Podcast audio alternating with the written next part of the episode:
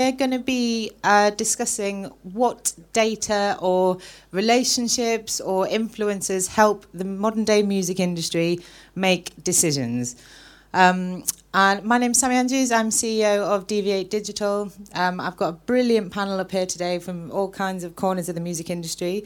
Um, I'm going to let them introduce themselves first, and then there was a poll ran um, for conference attendees, and we're going to have a little look at that before we discuss, just to see what uh, everyone that's here said within that poll. So, could we just start from this end? And uh, just a little bit about yourselves, please. Hello, my name is Christoph Huber. I'm, uh, I'm, I'm, a promoter from Switzerland. We do various festivals in Switzerland. Uh, the most known one is Open Air St. Gallen, and I'm booking and directing this festival since many, many years. And I have my other role here mainly in Groningen uh, as a general secretary of Yourope. That's the European Festival Association, where we do uh, involved in, in um, Take a Stand and in the ETEP program as well. So a lot of connections between the festivals. Hello everyone, um, my name is Robert Meijerink. Um, I live and I work in Nijmegen, which is a city comparable to Groningen in the east uh, part of Netherlands. I'm promoted there. I run a venue called Doornroosje, 1100 capacity, 400 capacity, 200 capacity. Book a lot of festivals there, and my role here in Groningen is to book Eurosonic. Hi, uh, I'm Roisin. I run the music section at The Independent. Um, my role includes kind of news writing, features, commissioning, video, and festival coverage. Hi, I'm Joe Woods. I work for One Little Indian Records. I'm head of international there, so um, it's basically making sure that all of the records that we work are sort of worked properly internationally. So that's making sure they're distributed in all the record shops, making sure they're marketed, they have proper PR. Um, and yeah, I mean, everything that sort of falls under that is a lot of stuff. So yeah. Lovely. It's, it's good to have a diverse range, I think, for this, this conversation, see where you're looking. So just before we start, so I'm going to, in a second, I'm going to tell you the results of the poll that's run already. But everyone in this room, we'd actually like you to answer. Now, wait until I've revealed the first results, or we'll skew the rest of the data, I think. Um, but if you, on your phones, if you wanted to, go to slido.com and put in that code there, that will bring up the poll if you want to answer. And it's, it's quite interesting for us to have because we're going to talk about it here. Um, and whoever's got the button at the back, could we put up what the results of the poll so far are, please? Ah, here we go. Right, so uh, we asked, please give us your top three of how you find new artists. Where do you get your juice from? Now, the overwhelming majority, 72%, are saying showcase events absolutely no one saying downloads whatsoever. Gut instinct, quite high, that's 44. Word of mouth and recommendations, 56%. Uh, direct approach from artists or management, 28%. Oh, and live shows, 39. Fate is re- registering at 11%. So shout out to Fate. Um, so that's where we're at so far. If you all log in to that the uh, slido.com, you can give us your answers there. But I want to dig straight in, please. And if, can we start with the live industry in the corner, please, Christoph and uh, Robert? So, uh, first of all, do you use any kind of data? I mean, bo- both answer individually, but uh, is there specific data sources that you use for anything? We'll focus on data for, for a little minute before we get into fate, gut instinct, and everything else. Are there data sources, and if so, what are they? Well, I use them as a resource. I think it's also um, it's always good to to to to um, if if you listen to at least I speak for myself, of course. But if I listen to an artist, first for me it's it's it's about the music. What's the quality of music, and then I do my homework. And my homework consists of questions like what's the reach of the the artist? How uh, are they known in their home territory or home country? Are they any successful on any level? And I use data for that matter. And I think uh, when it what comes, kind of when you're talking about that, what kind of places are you looking? Uh, well, it it's re it really depends on the music style. For example, I we have at Eurosonic we have a close collaboration with the EBU broadcasters, and so this means that on a weekly basis I'm I'm doing my homework by yeah, having a look at the European charts. Yeah. Um, not too long, of course, but for me it's really interesting to see the runners up. So for me, it's not necessarily important that you reach a top ten. Yeah. But for me, it's it's very yeah the the the, the, the new entries are very interesting to me. Yeah. Keep an eye on them, follow them. How do they they, they develop, develop? And when it for me, uh, I, the most important thing for me is do they play live and how is their live performance. So for that How, matter, how, how do you answer those questions? uh, yeah, Do, uh, do you well ever go on, yes. do you ever go on YouTube? I mean, do you uh, genuinely Yeah. have you ever found a band and gone, have they got any live gigs on YouTube that I can see? You're both nodding your heads a bit there. Yeah. yeah. Yeah. Yeah, I use YouTube as a resource, but not 100%. I very much rely on uh, uh, people who potentially can know it. So I, I speak to colleagues in Europe. Yeah. Um, um, so I, I'm not calling the manager. Like if I, I call the manager, I get an answer. Yeah, they're great. Yeah, of course. course. So I, I like to keep it. Yeah, I, I, if possible, I, I try to contact somebody from who poten- yeah who can know it. So that, I mean, that, that's going back to sort of respected sources that you know that aren't necessarily the artist team itself, but people on the periphery that would know wh- whether they're any good or not. What about you, Christoph? I think it just um, it, it it's a bit more complicated, more and more because the sheer number of artists which is around, and they can be on the market within one month, two months, and then 10, 15 years ago you had to wait until they had a label maybe, and something was published in your own country, and then people got got got them to know. And nowadays maybe you never heard of an artist, and somebody tells you they have you know 100 million streams already. Yeah. You never heard of this artist. Does that, I mean, just in that- the, the streaming world has changed the music industry predominantly in all, all kinds of ways. If someone's had a, a million, two million streams, does that actually mean anything to you? Because within those numbers, some of those could have come, come from playlists and not fans. If you look at those numbers, it might just be someone that heard it on a playlist. Doesn't mean that they're going to buy a ticket.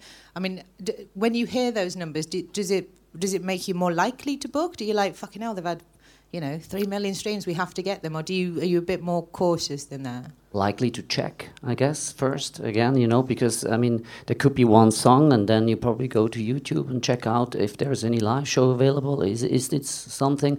We also, you know, saw a lot of um, bands where you had huge numbers, but then you found only really poor performances in any kind of disco club, and then Yeah. it's probably not yet the time. Uh, but I think the streaming, um, and of course, it would be nice to have the active listeners, not the, the ones from the playlists. Uh, but so far, quite difficult to get them. So that that as well. So the the data that's available for we should probably see who's in the room as well here. Who in the room's from live industry? Okay, who's management? Agent, I guess you'd be in the live industry. Uh, label. Who else are you missing? Publishers. Journalists. Who have you? Who, who else have we got? We just want to shout out a random sector of the industry. Oh, don't be shy. Digital, digital marketing and advertising. Anyone from? Okay, so quite a, sort of live and, and around stuff. Any artists, specifically artists? No, one. Hello. um, all right, so just going back to the, the streaming data, there is so much of it available, but it's not available to you. And this is one thing that I hear a lot from the live industry that they've got this wealth of data, management and artists, but they don't necessarily want to share it with the live industry. Now, I have heard on the flip side of managers going to festivals predominantly to try and up their fee based on what they know they can pull in that area because of streaming data. Have you ever come across that where someone's come to you and gone, look at my Spotify stats, I'll have this much money, please? Probably they would try to sell it like this, but often I would wish they would reflect on these figures more. because if they ask first, uh, um, sometimes we get just ridiculous uh, fee requests, uh, and because these acts are not known in these territories. Sometimes Yeah. there's a lot of agents out there. They know exactly what they're doing. They know their market. They know their status, and that's great if you are a promoter in your country. But it's also vice versa. Question is always where does the streaming where's Come streaming from. come from? Well, this, I mean, this is something else I, I wanted to ask you before, before we move, move slightly onto the other industry. So, uh, with the sheer globalization of the digital world, does that make it, when you're looking at things like data, does that make it harder for you to see local talent, like national talent, because it, if it- it's on a globalized platform, or, are you still very much looking at national acts as well as you know the global stuff? Does that make any difference? Is it had any bad impact for you? No, I don't think so. I think national talent uh, in various European countries is growing. It's, Yeah, it's, it's yeah. some of the future uh, elements of this business. If I see um, what kind of shows they are played, for for us, I think. Uh, it, the, the difficult thing is uh, if you want to pitch for a band, you have to be on a really early stage in our market because the competition is quite high. So we have to find out. Uh, it's too late when this band comes to a certain charts or to a radio. It's too late. We lost they've it already already. gone. so for us, uh, our, I, I, I'm working on a on a software solution right now, which the, the- you know the prototype is on, and I'm trying to. So it's like called the, the name is Artist Detector, and it's a program which. Um, um, finds out from various sources, uh, charts, um, streaming services, tries to get all the information on a weekly basis to see if something is happening with these artists, and that might be only 1.5% um, you know Instagram f- followers, but that could have a huge effect and gives me kind of a signal to say, check it out right Yeah. now. So that's that's one of the things we're trying right now. Okay, so you are you are using data, but in a very smart and measured way, and still relying on recommendations. So we'll, we'll come back to, to live industry more. So Roisin, thank you for joining us. Um, so you are music correspondent for the Independent in the UK, really big newspaper, and online. Um, how? Well, first of all, are you using data? And if you are, what data are you using? Um, okay, so I'd say like the data we use tends to be like sort of analytical for actually how well our articles are performing. Uh, when it comes to data thrown at me about an artist, whether it's like streaming numbers or how many fans they've got on Facebook, I tend to ignore that because I That's think good it's to know. pretty good to know. irrelevant. So, so it's an art, if an artist, let's say brand new artist, with very very little to back up their, if they're good, you would still write about them. I think it's actually more of a selling point. If they've got two, three thousand, you know, they're like brand new. I actually find it weird to write about a new artist with hundred thousand fans on Facebook already because Really that good doesn't point. sound like you know. really good point. Do you, but if they're still selling themselves as a new artist, you get something's gone wrong there, Yeah. isn't it? So, but and the the data on the back end of that, so for monitoring the article. So let's say you write about a new band. And the article does nothing. When you can see from the analytics, it does nothing. Does that mean you don't cover them again, or is it just a you're just aware of it? Um, I don't know if it's like the way we've built new music at the indie. It's like hopefully we have a reputation for being somewhere to go to to find new music, but actually a lot of our articles about new artists tend to do better than the ones about established. So you know we could have an interview with quite a famous musician who's got I don't know five million fans on Facebook or whatever, and you know even if they shared it, it might not do as well as the new artist because those fans tend to be a lot more engaged and they More want that hungry, band to do yeah. well. You know they want them to succeed, so they're kind of actively pushing for more people to see about them. when have you ever heard that? It's a really good thing with the press to be a new artist that can outperform. Because it, within that, could you quickly go to, to label side. So hello. I'm actually I'm familiar with your label. I used to work with Derek many Yes. many moons ago. Uh, so yeah, you got I'm like Bjork and used to be Skunk Anansie when I was there. So uh, from so you're head of international at the label. Yeah. Are you looking at data? And if you are, what are you looking at?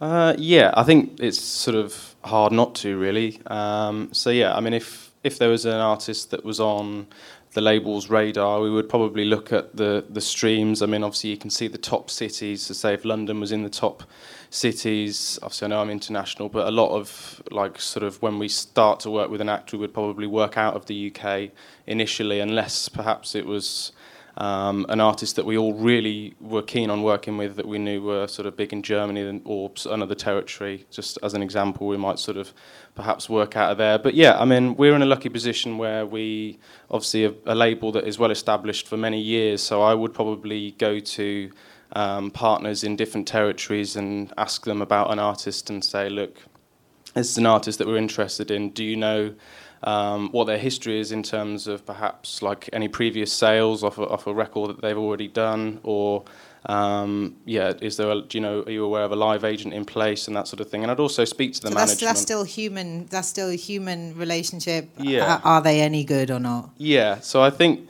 there is there is data that we that we'd obviously look at like the streaming figures and the social stats, but I think probably more predominant predominantly it's um, sort of word of mouth, and I would go to sort of yeah the people that we're working with on a on a daily basis and and get a sort of idea of where they think the artist sits and how well they think the artist can perform. And do, do you do you ever so as an international for, a label, is it important for you to have data given to you by other territories? Absolutely, yeah, Do you, I mean, do you go out and just go, I, give me everything you've got on what, what are you doing here? Yeah, definitely. So, I mean, for the artists that we work with, it's absolutely crucial that I'm getting given those bits of information on like sales figures and streaming figures and like marketing stats. So, we have our own in house digital team um, at One Little Indian, and I'm constantly working with them to promote uh, both a record or a tour or something. Do, do you ever use your data to work with the live industry? As, as a label, do you ever go, our artists are playing this brilliant festival, can we work with them in some way? Does that ever happen, or is it more just because it's very siloed, isn't it? Our industry, we're still very much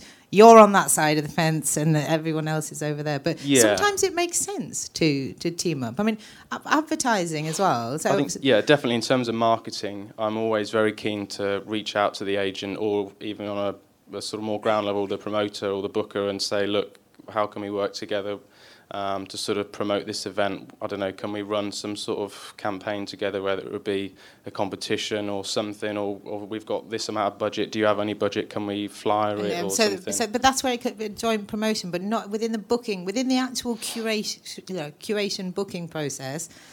You just kind of got to take a risk, haven't you? I mean, that's where we're at in the live industry. You guys have still kind of got to take a risk on, on especially a new act, I guess. I mean, if you have a you know an, an agent where you work with him from for many many years, you trust, of course, the, you know their expertise and they know a lot about data and, and about the bands, but uh, publicly difficult to get them, yeah. And in the end, you have to make a decision. And again, you know, i- if all these streaming figures, if I look at streaming figures and we look at our promoted shows or touring, it's so difficult. Sometimes it does, completely doesn't reflect about the ticket sales. I mean, uh, what happened, for instance, to a Billie Eilish, you know, it was incredible, and a lot of people were there. and Let's say, what just, what happened, you know? And on the other hand, you had the same artist with almost the same streaming numbers, and the show is not, not selling at all, you know. Yeah, there, there was a, a famous thing of, about half a year ago. I can't remember which country it was. Some band had managed to book an entire tour of really big venues, and no one turned. I mean, no one. Fake Facebook followers. Yeah, and if someone had booked them off the back of Facebook followers, so you, I mean, you obviously can't trust them. But let's go to relationships a little bit, awa- away from data a little bit. I think nearly all of you, m- m- maybe not so with, with press, we, we didn't look at that yet, but how important are those relationships for, for you over any data, like things like an agent or are are those the most important thing to you now, regardless of how digital the industry is? Are those the overriding thing? And like that poll showed that people are saying that they're going to showcases. I mean, how? Let's talk about that a little bit. Relationships and gigs. How many of you actually go out to gigs still, and, and do you all? And are they impactful? And your relationships. So we'll start with Christoph at the end. I think the relationship are the, still the most um, important things. It's people's business um, towards the agents, where you have you, trust them. Everybody tries to sell you something, but you you soon find out which kind of value does it have. But I think the festival colleagues here, uh, in meetings like here, we often exchange, even if we are on the same weekend and competing. Uh, competitors uh, about our festivals. I think there's quite an open dialogue, and uh, for me, you know, if, if Kem from from Les Eurockéennes, if he books a band, and this is the electronic band, I'm gonna ask him which is the best electronic act out there, and maybe they're coming on the next year to our festival. So their expertise, and you know these bookers, you know these people since many years. For me, very valuable, and uh, you know, I need them, you know, and I trust them in that way. Yeah. Well, what about the rest of you? Yeah, I'm speaking for me as being a promoter of the venue. It's of course uh, relationships are very important, but I always think for um, I need to deliver for my audience in my hometown. So if I make an offer, I always think about I need to make a realistic expectation, and that's of course based on the audience you have in town. So in fact, the data of some artists would be very helpful to for me as a promoter. It will be help me at least a bit. I think. for it? This is so just say it. We did this panel in London at at another event, and first of all, I'm going to say this: everyone on the panel lied to me and said that they didn't use any data. Like all of them said they didn't Yeah. use any data, which is bullshit. But the, the, this this is the you know the, as a, the, the measured way of, of using it. And what we did have in that room, everyone stood up in the audience and said, "I would like that data from the live industry." They said it would actually be really helpful for me if a manager could give me some idea of numbers. And when we go to well, uh, geodata in streaming services, we know. I mean, I, I run digital for a lot of bands, and you'll know this back end. We know exactly how many people would come to a gig because we can see them. So, uh, but but it's hard for you to be able to know that because no one wants to give it. I think, I think at the end it's a people's job, like Christoph said. Not only the re- uh, in terms of the relationship with the professionals, whether it's a live agent or, or a national promoter, Yeah. but at the end it's it's a very old school job. From being a promoter is about um, being ris- realistic. If I do, if I like a band, um, I, I, I have to think twice if I want to make an offer or not, Yeah. because I know myself uh, that at the end there will be ten people. carried away. yeah. no, but so I, I I can do without data. I know that, and I did it in the past. But I think it will it will be an additional value for sure. It happens the other way around though. Sometimes an agent appoint me or national promoter appoint me because they have they shared the information Yeah. that there are many streams in my in my town or territory. It So happened a couple so of that way times. It, does, yeah. it, it makes sense. And do either of you go to gigs?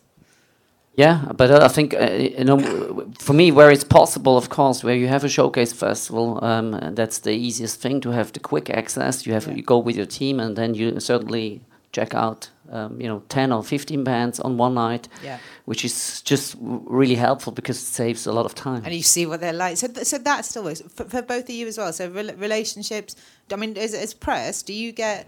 I mean, you get predominantly PR people writing, going, "This is the best band you've ever heard," and then you listen and go, mm, "Don't know." But do you get industry coming? I mean, do you, as a journalist, do you ever get managers and agents or any industry side that you go, "Actually, they're really good. I want to write about them."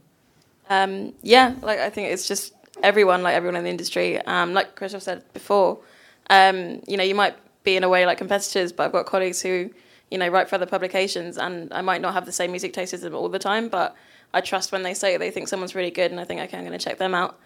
Um, I go to about four or five gigs a week. Um, and I like, yeah, and um, You're looking rather well in.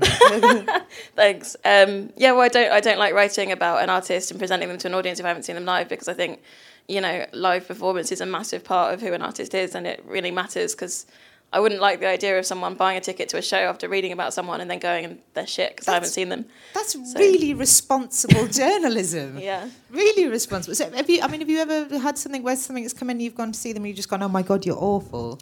Don't- Yeah, loads of times. So, but so, but seeking someone out. So you're res- responsible journalism. I like that a lot. Label side, are you going to gigs? And how? I mean, how does the the uh, signing process? I know it might not necessarily be you that signs it, but if Derek finds something he really likes, is it just like, wh- where's he found out about it from? Yeah, I mean, in ter- I was saying just before the A and R process at the label is it's a real sort of democracy. So there isn't any one person that is sort of choosing or sourcing the ar- artists. They sort of come to us through various means, and then it's a it's a way of all of us have to sort of agree on it and make sure that it's going to be sort of a, a viable thing to move forward with for all of us. Whether like, that we're all it's Yeah. all going to work for every one of us. But yeah, I don't think we'd ever sign an artist without having seen them live. Um, so that's, I mean, that's still something that rings through. I just came from another panel where we were looking 10 years in the future. And actually, we're talking about fundamentals here that have not changed, really, since the start of it. Perhaps in, uh, embellished and added to with, with data sets, but not necessarily so much. So, in. Um, what was I going to say next? But the, blah, blah, the responsibility. So, diversity. Christoph, you're doing. Um, you founded something called Take a Stand which is, I mean, just outside of the industry, but for uh, diversity within gender, race, all, all manner of things. Uh, When you look across everything that you're putting on places, do you think the music industry has a responsibility to be diverse? And to, I mean, there's things like the PRS Key Change program, which is trying to get 50-50 uh, female uh, lineup on festivals. I mean, so you you must have thought some of this to start that.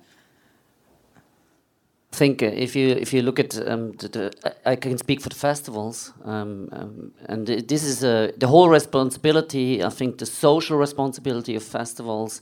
If you look at these European promoters who sit in a room, that's a key topic that we discuss. We don't we, we not often discuss really the business side of things. We talk about health and safety. We talk about the green issues, uh, sustainability, and um, we talk about, of course, marketing and sponsoring and digitalization and, all these issues. But but especially Take a Stand came out of this situation where festival thought, you know, it for many years. I mean, look at where the festivals came from. So they were kind of a revolution.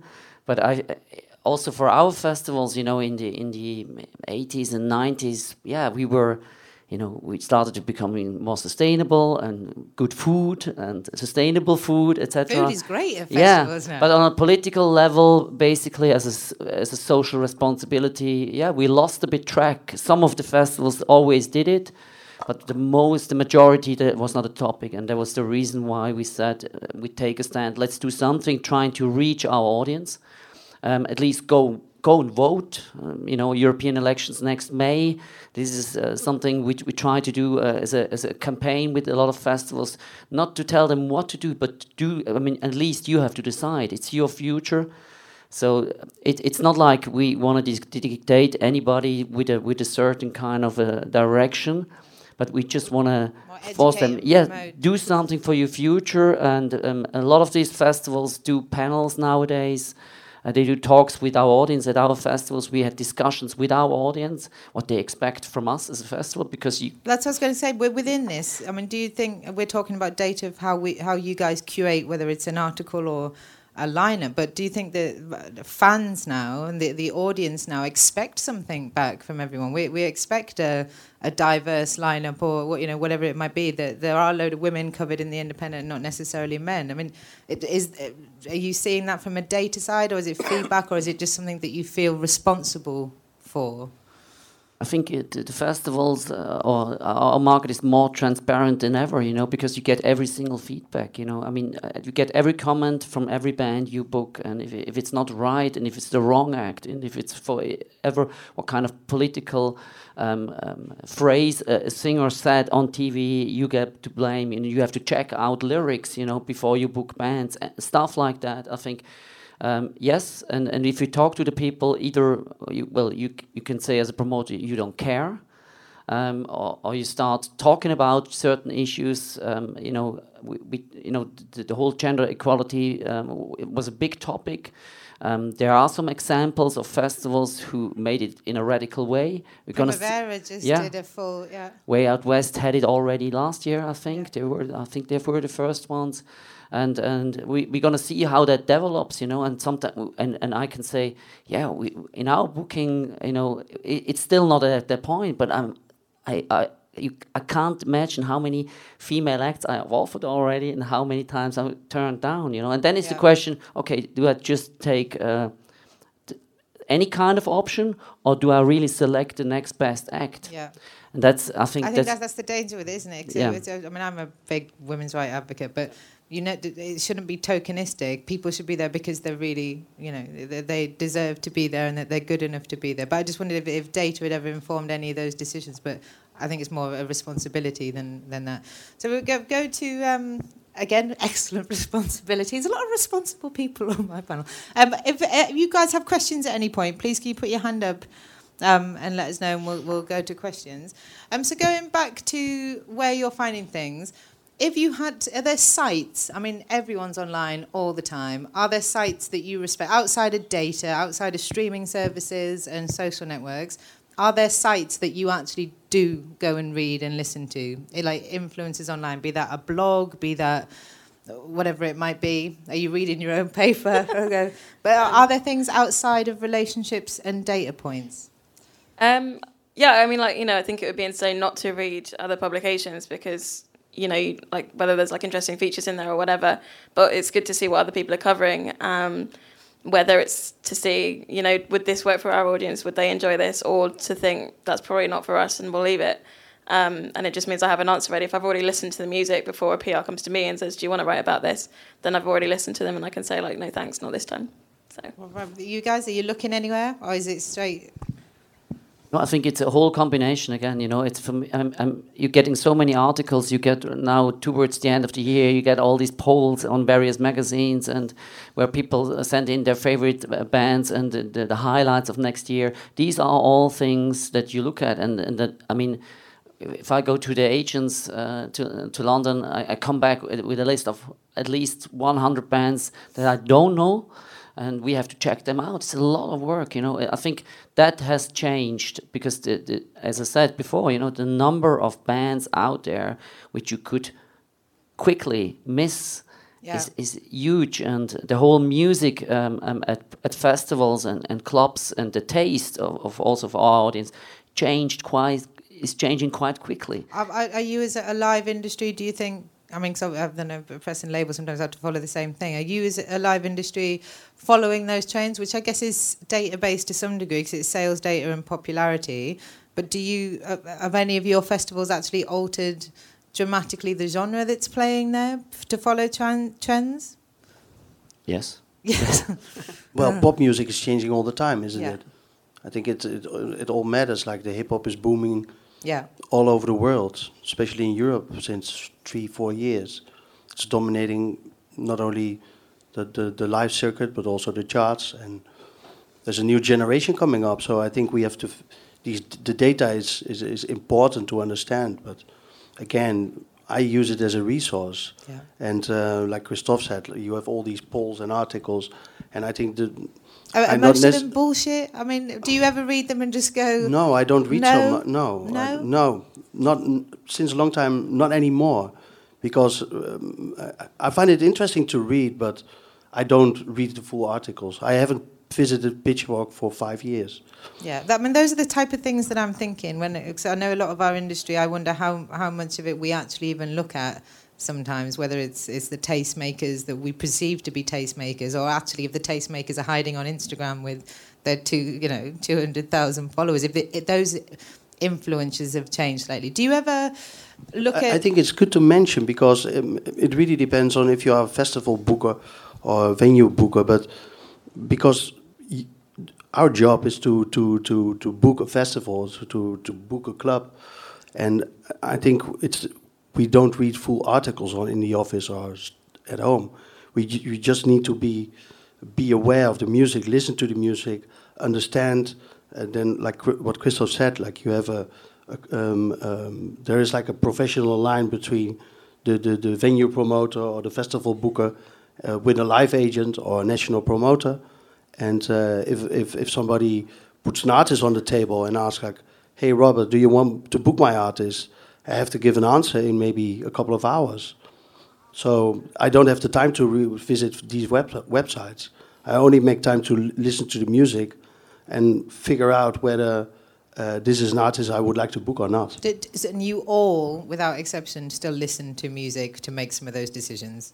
Yeah, definitely. I think from a label side, we definitely do pay attention to those sites. I think um, possibly if someone's getting covered on Pitchfork, they're arguably sort of at a sort of higher stage already. But I mean, we've definitely got involved with bands purely on the sort of breadth of coverage that they're getting. So we, there was a band that we recently signed that got um, that we were sort of unsure about for a little while, and then they released a single and it got coverage across around six or seven sites, and that's sort of hard to ignore. So I think those sorts of things are definitely key, and also it's good to read those things and see what the story is because it's such an important thing to have.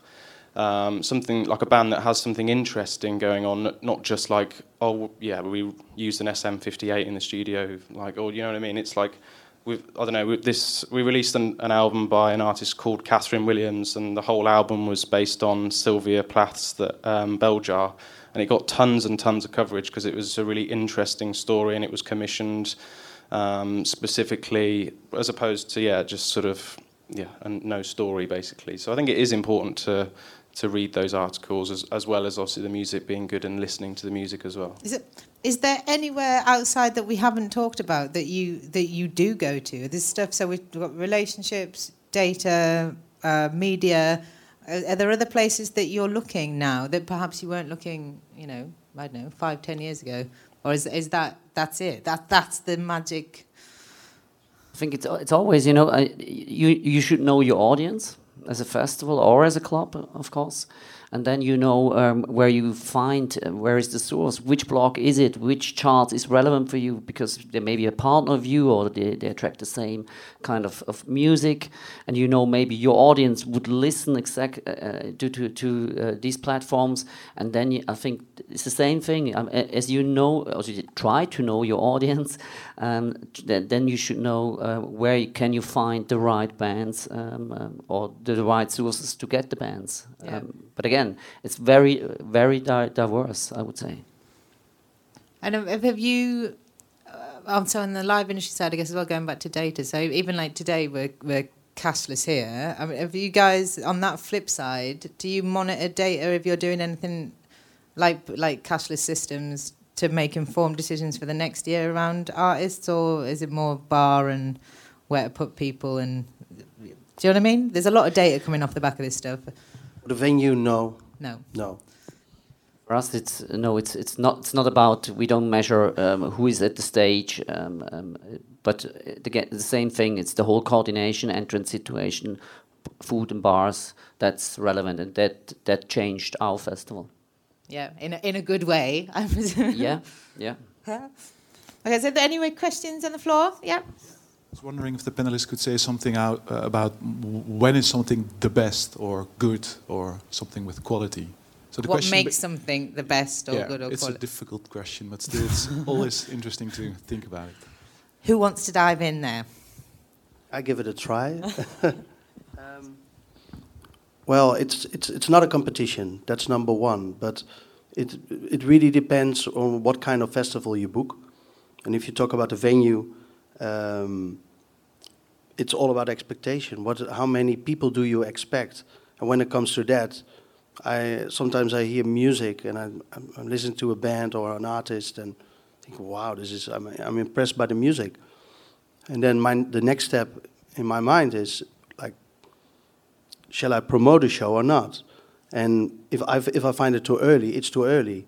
And why it is too early because if the, if this artist didn't have a proper reputation or build up, uh, is not visible, whether on the streaming platforms or wh wherever, it doesn't make sense to promote a show. My job is to put people in front of an artist and uh, uh, building up an artist. So if, if you book, for example, a venue like I do for, for 200, uh, 200 capacity room, then of course you, you do investments all the time by uh, losing money on, on unknown upcoming artists. But it's all part of the chain and it's really important. So for me, it's not about best or better being the best. It's, um, but I always try to avoid uh, to lose money, but also as it's it, for me, it's equal important uh, that I don't want to like to put an artist in front of an empty room. It's my job as a promoter, my responsibility that there are people in, in that room. So for me, it's the combination artist and audience is number one. I, I booked so many acts in in the past in the venue who I personally don't have, uh, maybe do not like that much, but I know that there's an audience out there who, who might love the band. So you have to be independent as a as a booker or, or promoter all the time. You need to, I, I, mean, you need to be realistic on that matter. So it's all about rating and uh, also explaining to colleagues why you do book an act or not, not only to colleagues but also to agents. Can I just ask, uh, within that framework, with uh, the way that music's been promoted and signed and supported has changed, and it, like I'd argue that because there's so many artists out there now that very few actually get the support from all of the right people, promoters, agents, managers, to make it. I worry that we're not making next year's headliners or, or ten years headliners because no, it's become such a disposable almost you know form of music. If the right team don't get behind an artist they won't make it to headline your festival. Do, do you see at the moment, do you think that that's a, a, worry, that there's potentially a lack of support?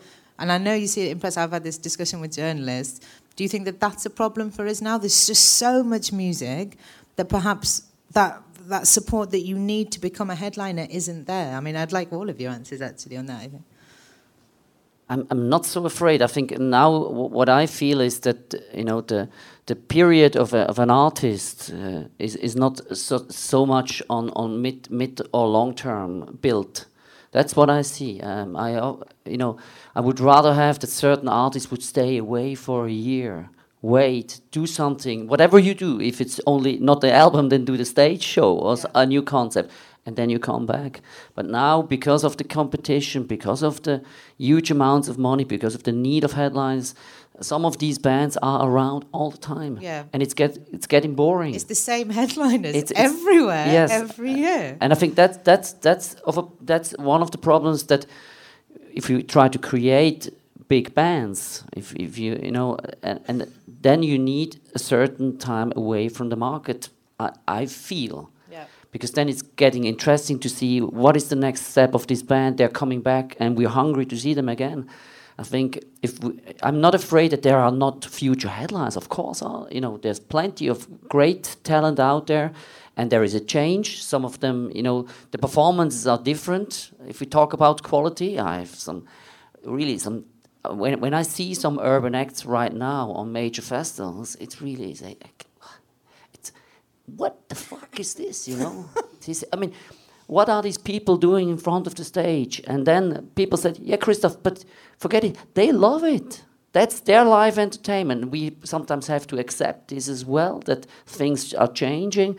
Certainly, bands play 40 minutes, you know, uh, and then they go off stage. Uh, and it, it's difficult. Uh, uh, and I think, in many senses, as soon as there are, there will be new genres always there's a quality act coming back at one point and they will define the standard. And sometimes in the early stage, I, hip hop was the same in, in the 80s. I think there were some really poor bands around, but then certain bands really got it, and that was the standard. Yeah.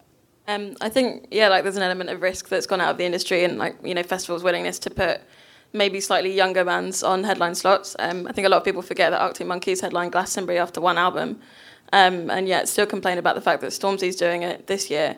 And it's like, well, he's one of the top artists in the world right now, and it doesn't matter like how many albums he's released. He's at the peak of his game. He's done loads of live shows.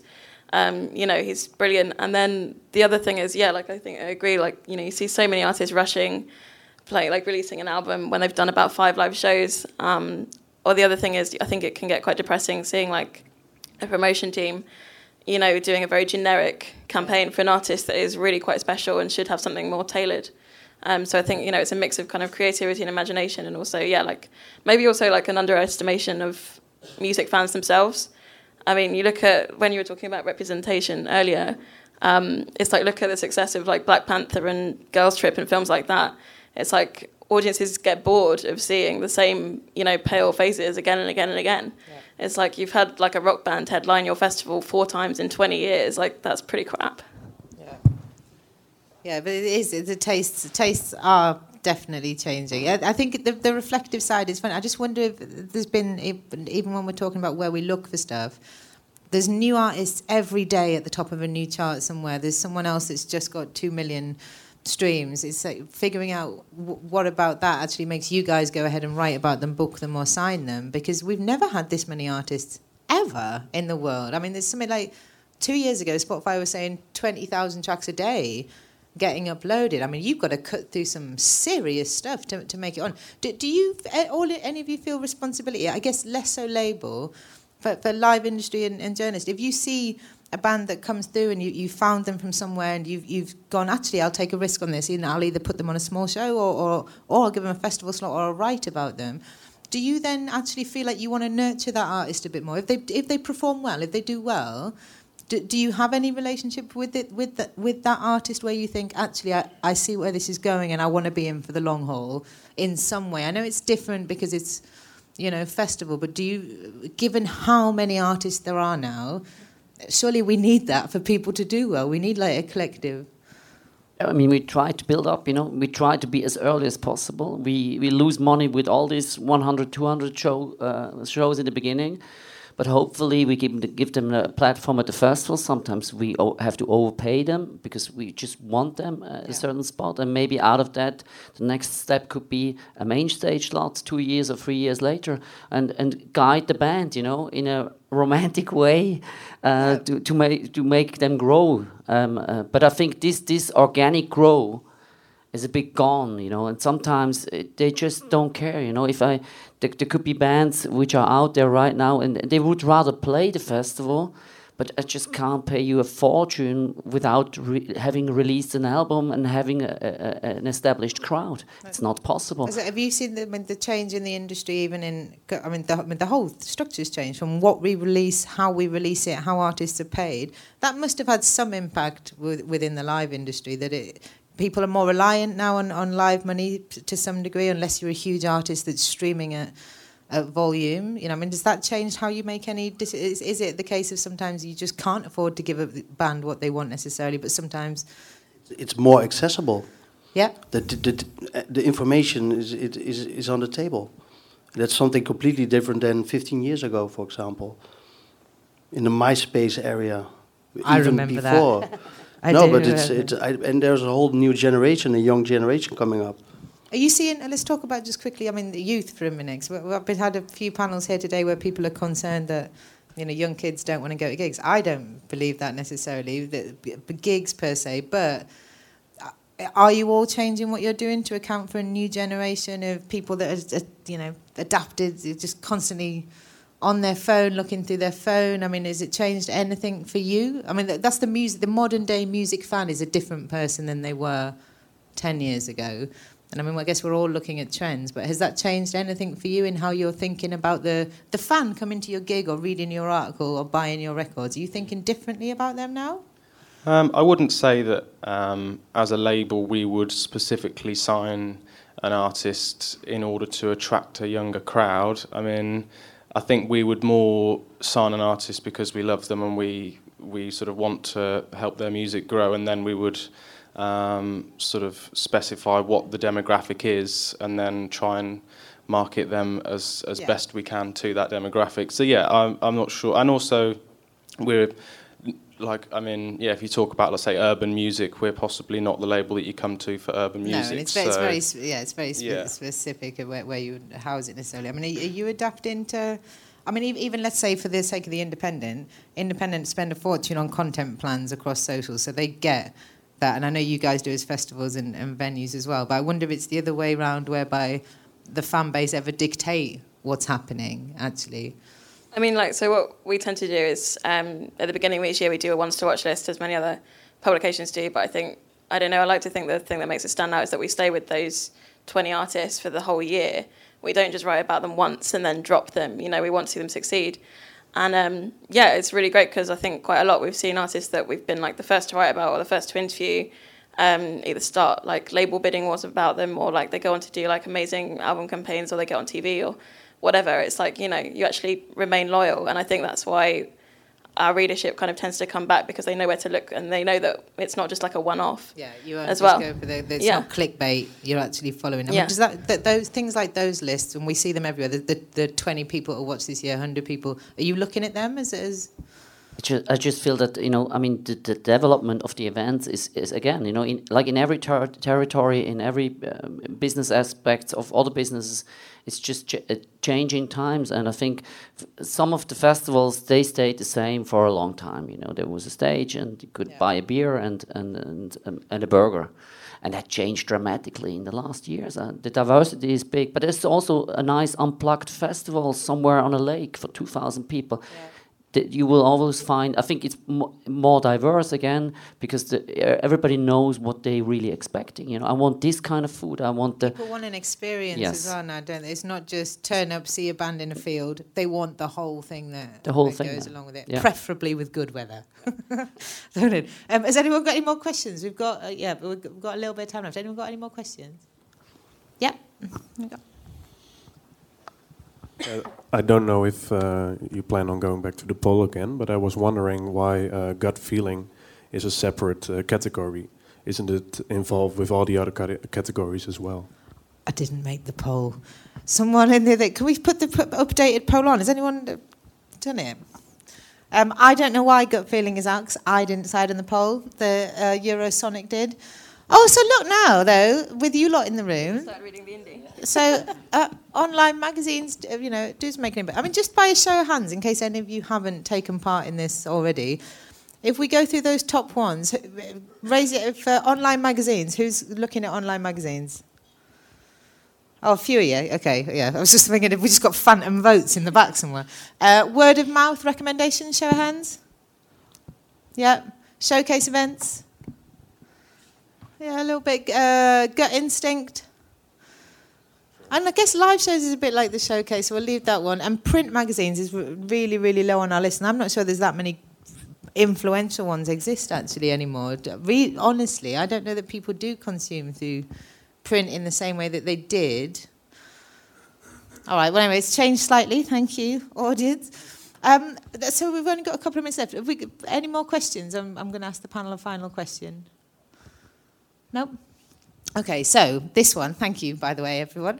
Um, I know it's a broad subject. So I want to end on asking, given all this stuff and given that how much everything is changing, what data is available, diversity issues, all things, if there was one thing that you wish, personally wish, and professionally wish, I guess, that the music industry did differently, what would it be?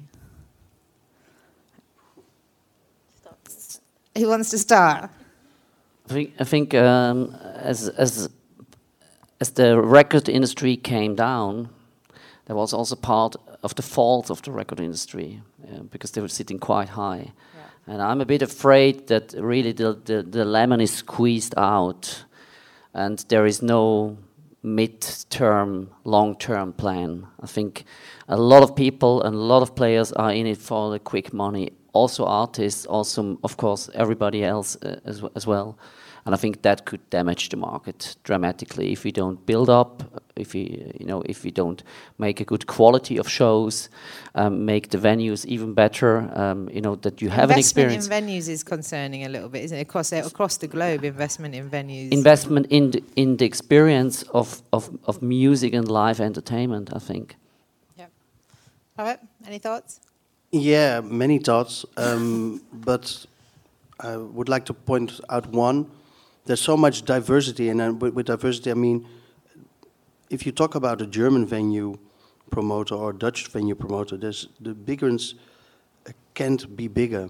There's a whole different setup in terms of costs. Uh, um, as a promoter, you are making uh, uh, costings all the time for shows, so you have to to all your costs on um, um, show the cost to the agent and uh, to get a confirmation. But sometimes I talk to colleagues in Europe, and sometimes I'm shocked by the costs in France, for example. And so at the end, in Holland, we're very lucky with a good um, ecosystem. I like to call it that way of of, of, of, of, of venues. It's a very small country, and almost every average city uh, maybe you know has his own stage or club or venue um, subsidized by the local government, and that's whole different, totally different than the UK, for example. And um, I think we're in a very lucky position that we are able to to build on that chain, to invest in small upcoming artists. Of course, we're still losing money, but at the end, we are able to put these shows up and to to build up potentially and hopefully a, relation, a relationship with with an act, and hopefully next time when they come to Nijmegen or whatever, wherever, um, they come back and play a bigger room or play a festival, and you take it from there. And so I like to point this out because I think it would be really good that this will be put on a European agenda.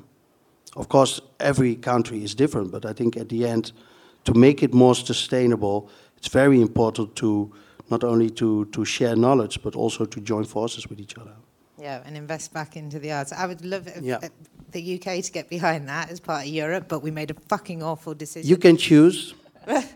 Um, I would really love to see, uh, particularly like UK festival organisers, stop using uh, like the kind of "it's what the people want" excuse for their lack of representation at, at the events. Um, I think there's a f- like we're, you know ta- we're talking about when it's an all male, Yeah. white male lineup, For the and they 15th say, year "But that's what people want." Yeah, because I think it's a load of crap. Um, I think, like you mentioned before with Primavera, I think they sell out in minutes.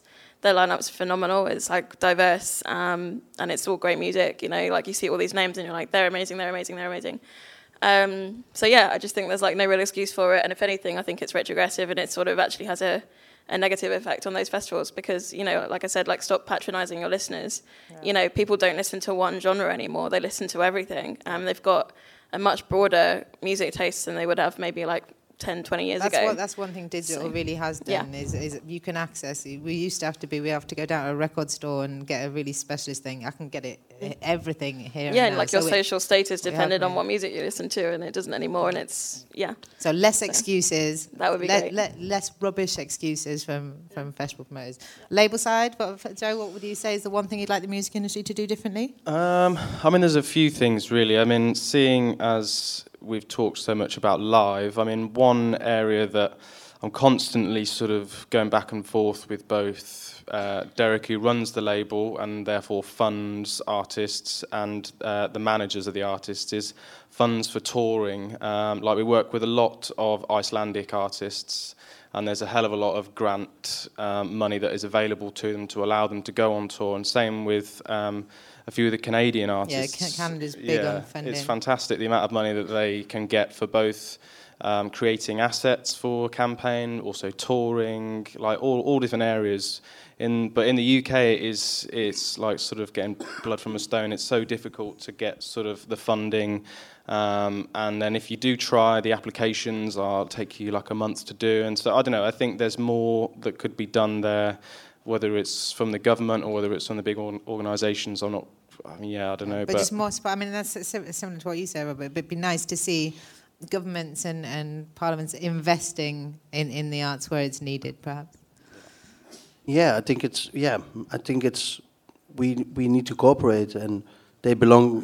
They need to be aware of all these changes in Europe, and of course we have different tax systems. And I'm not saying that we None of us are saying it's easy. No, but I, no, but to to keep it clear, I think Yeah. on on the, on the live promotion level, when you, I think when you the venues are out there also to invest, but you know, it's I, th- I think it would be good to to to be open about it and to compare uh, the data from these venues, different venues in Europe, and um, See make also the where it would agents understand sense. what what happens on that matter. Yeah, agreed. Well, I want to thank you guys for being so open because last time I did this panel, this was definitely not the outcome. But, but yeah, thank you for being so honest and thank you for joining us today.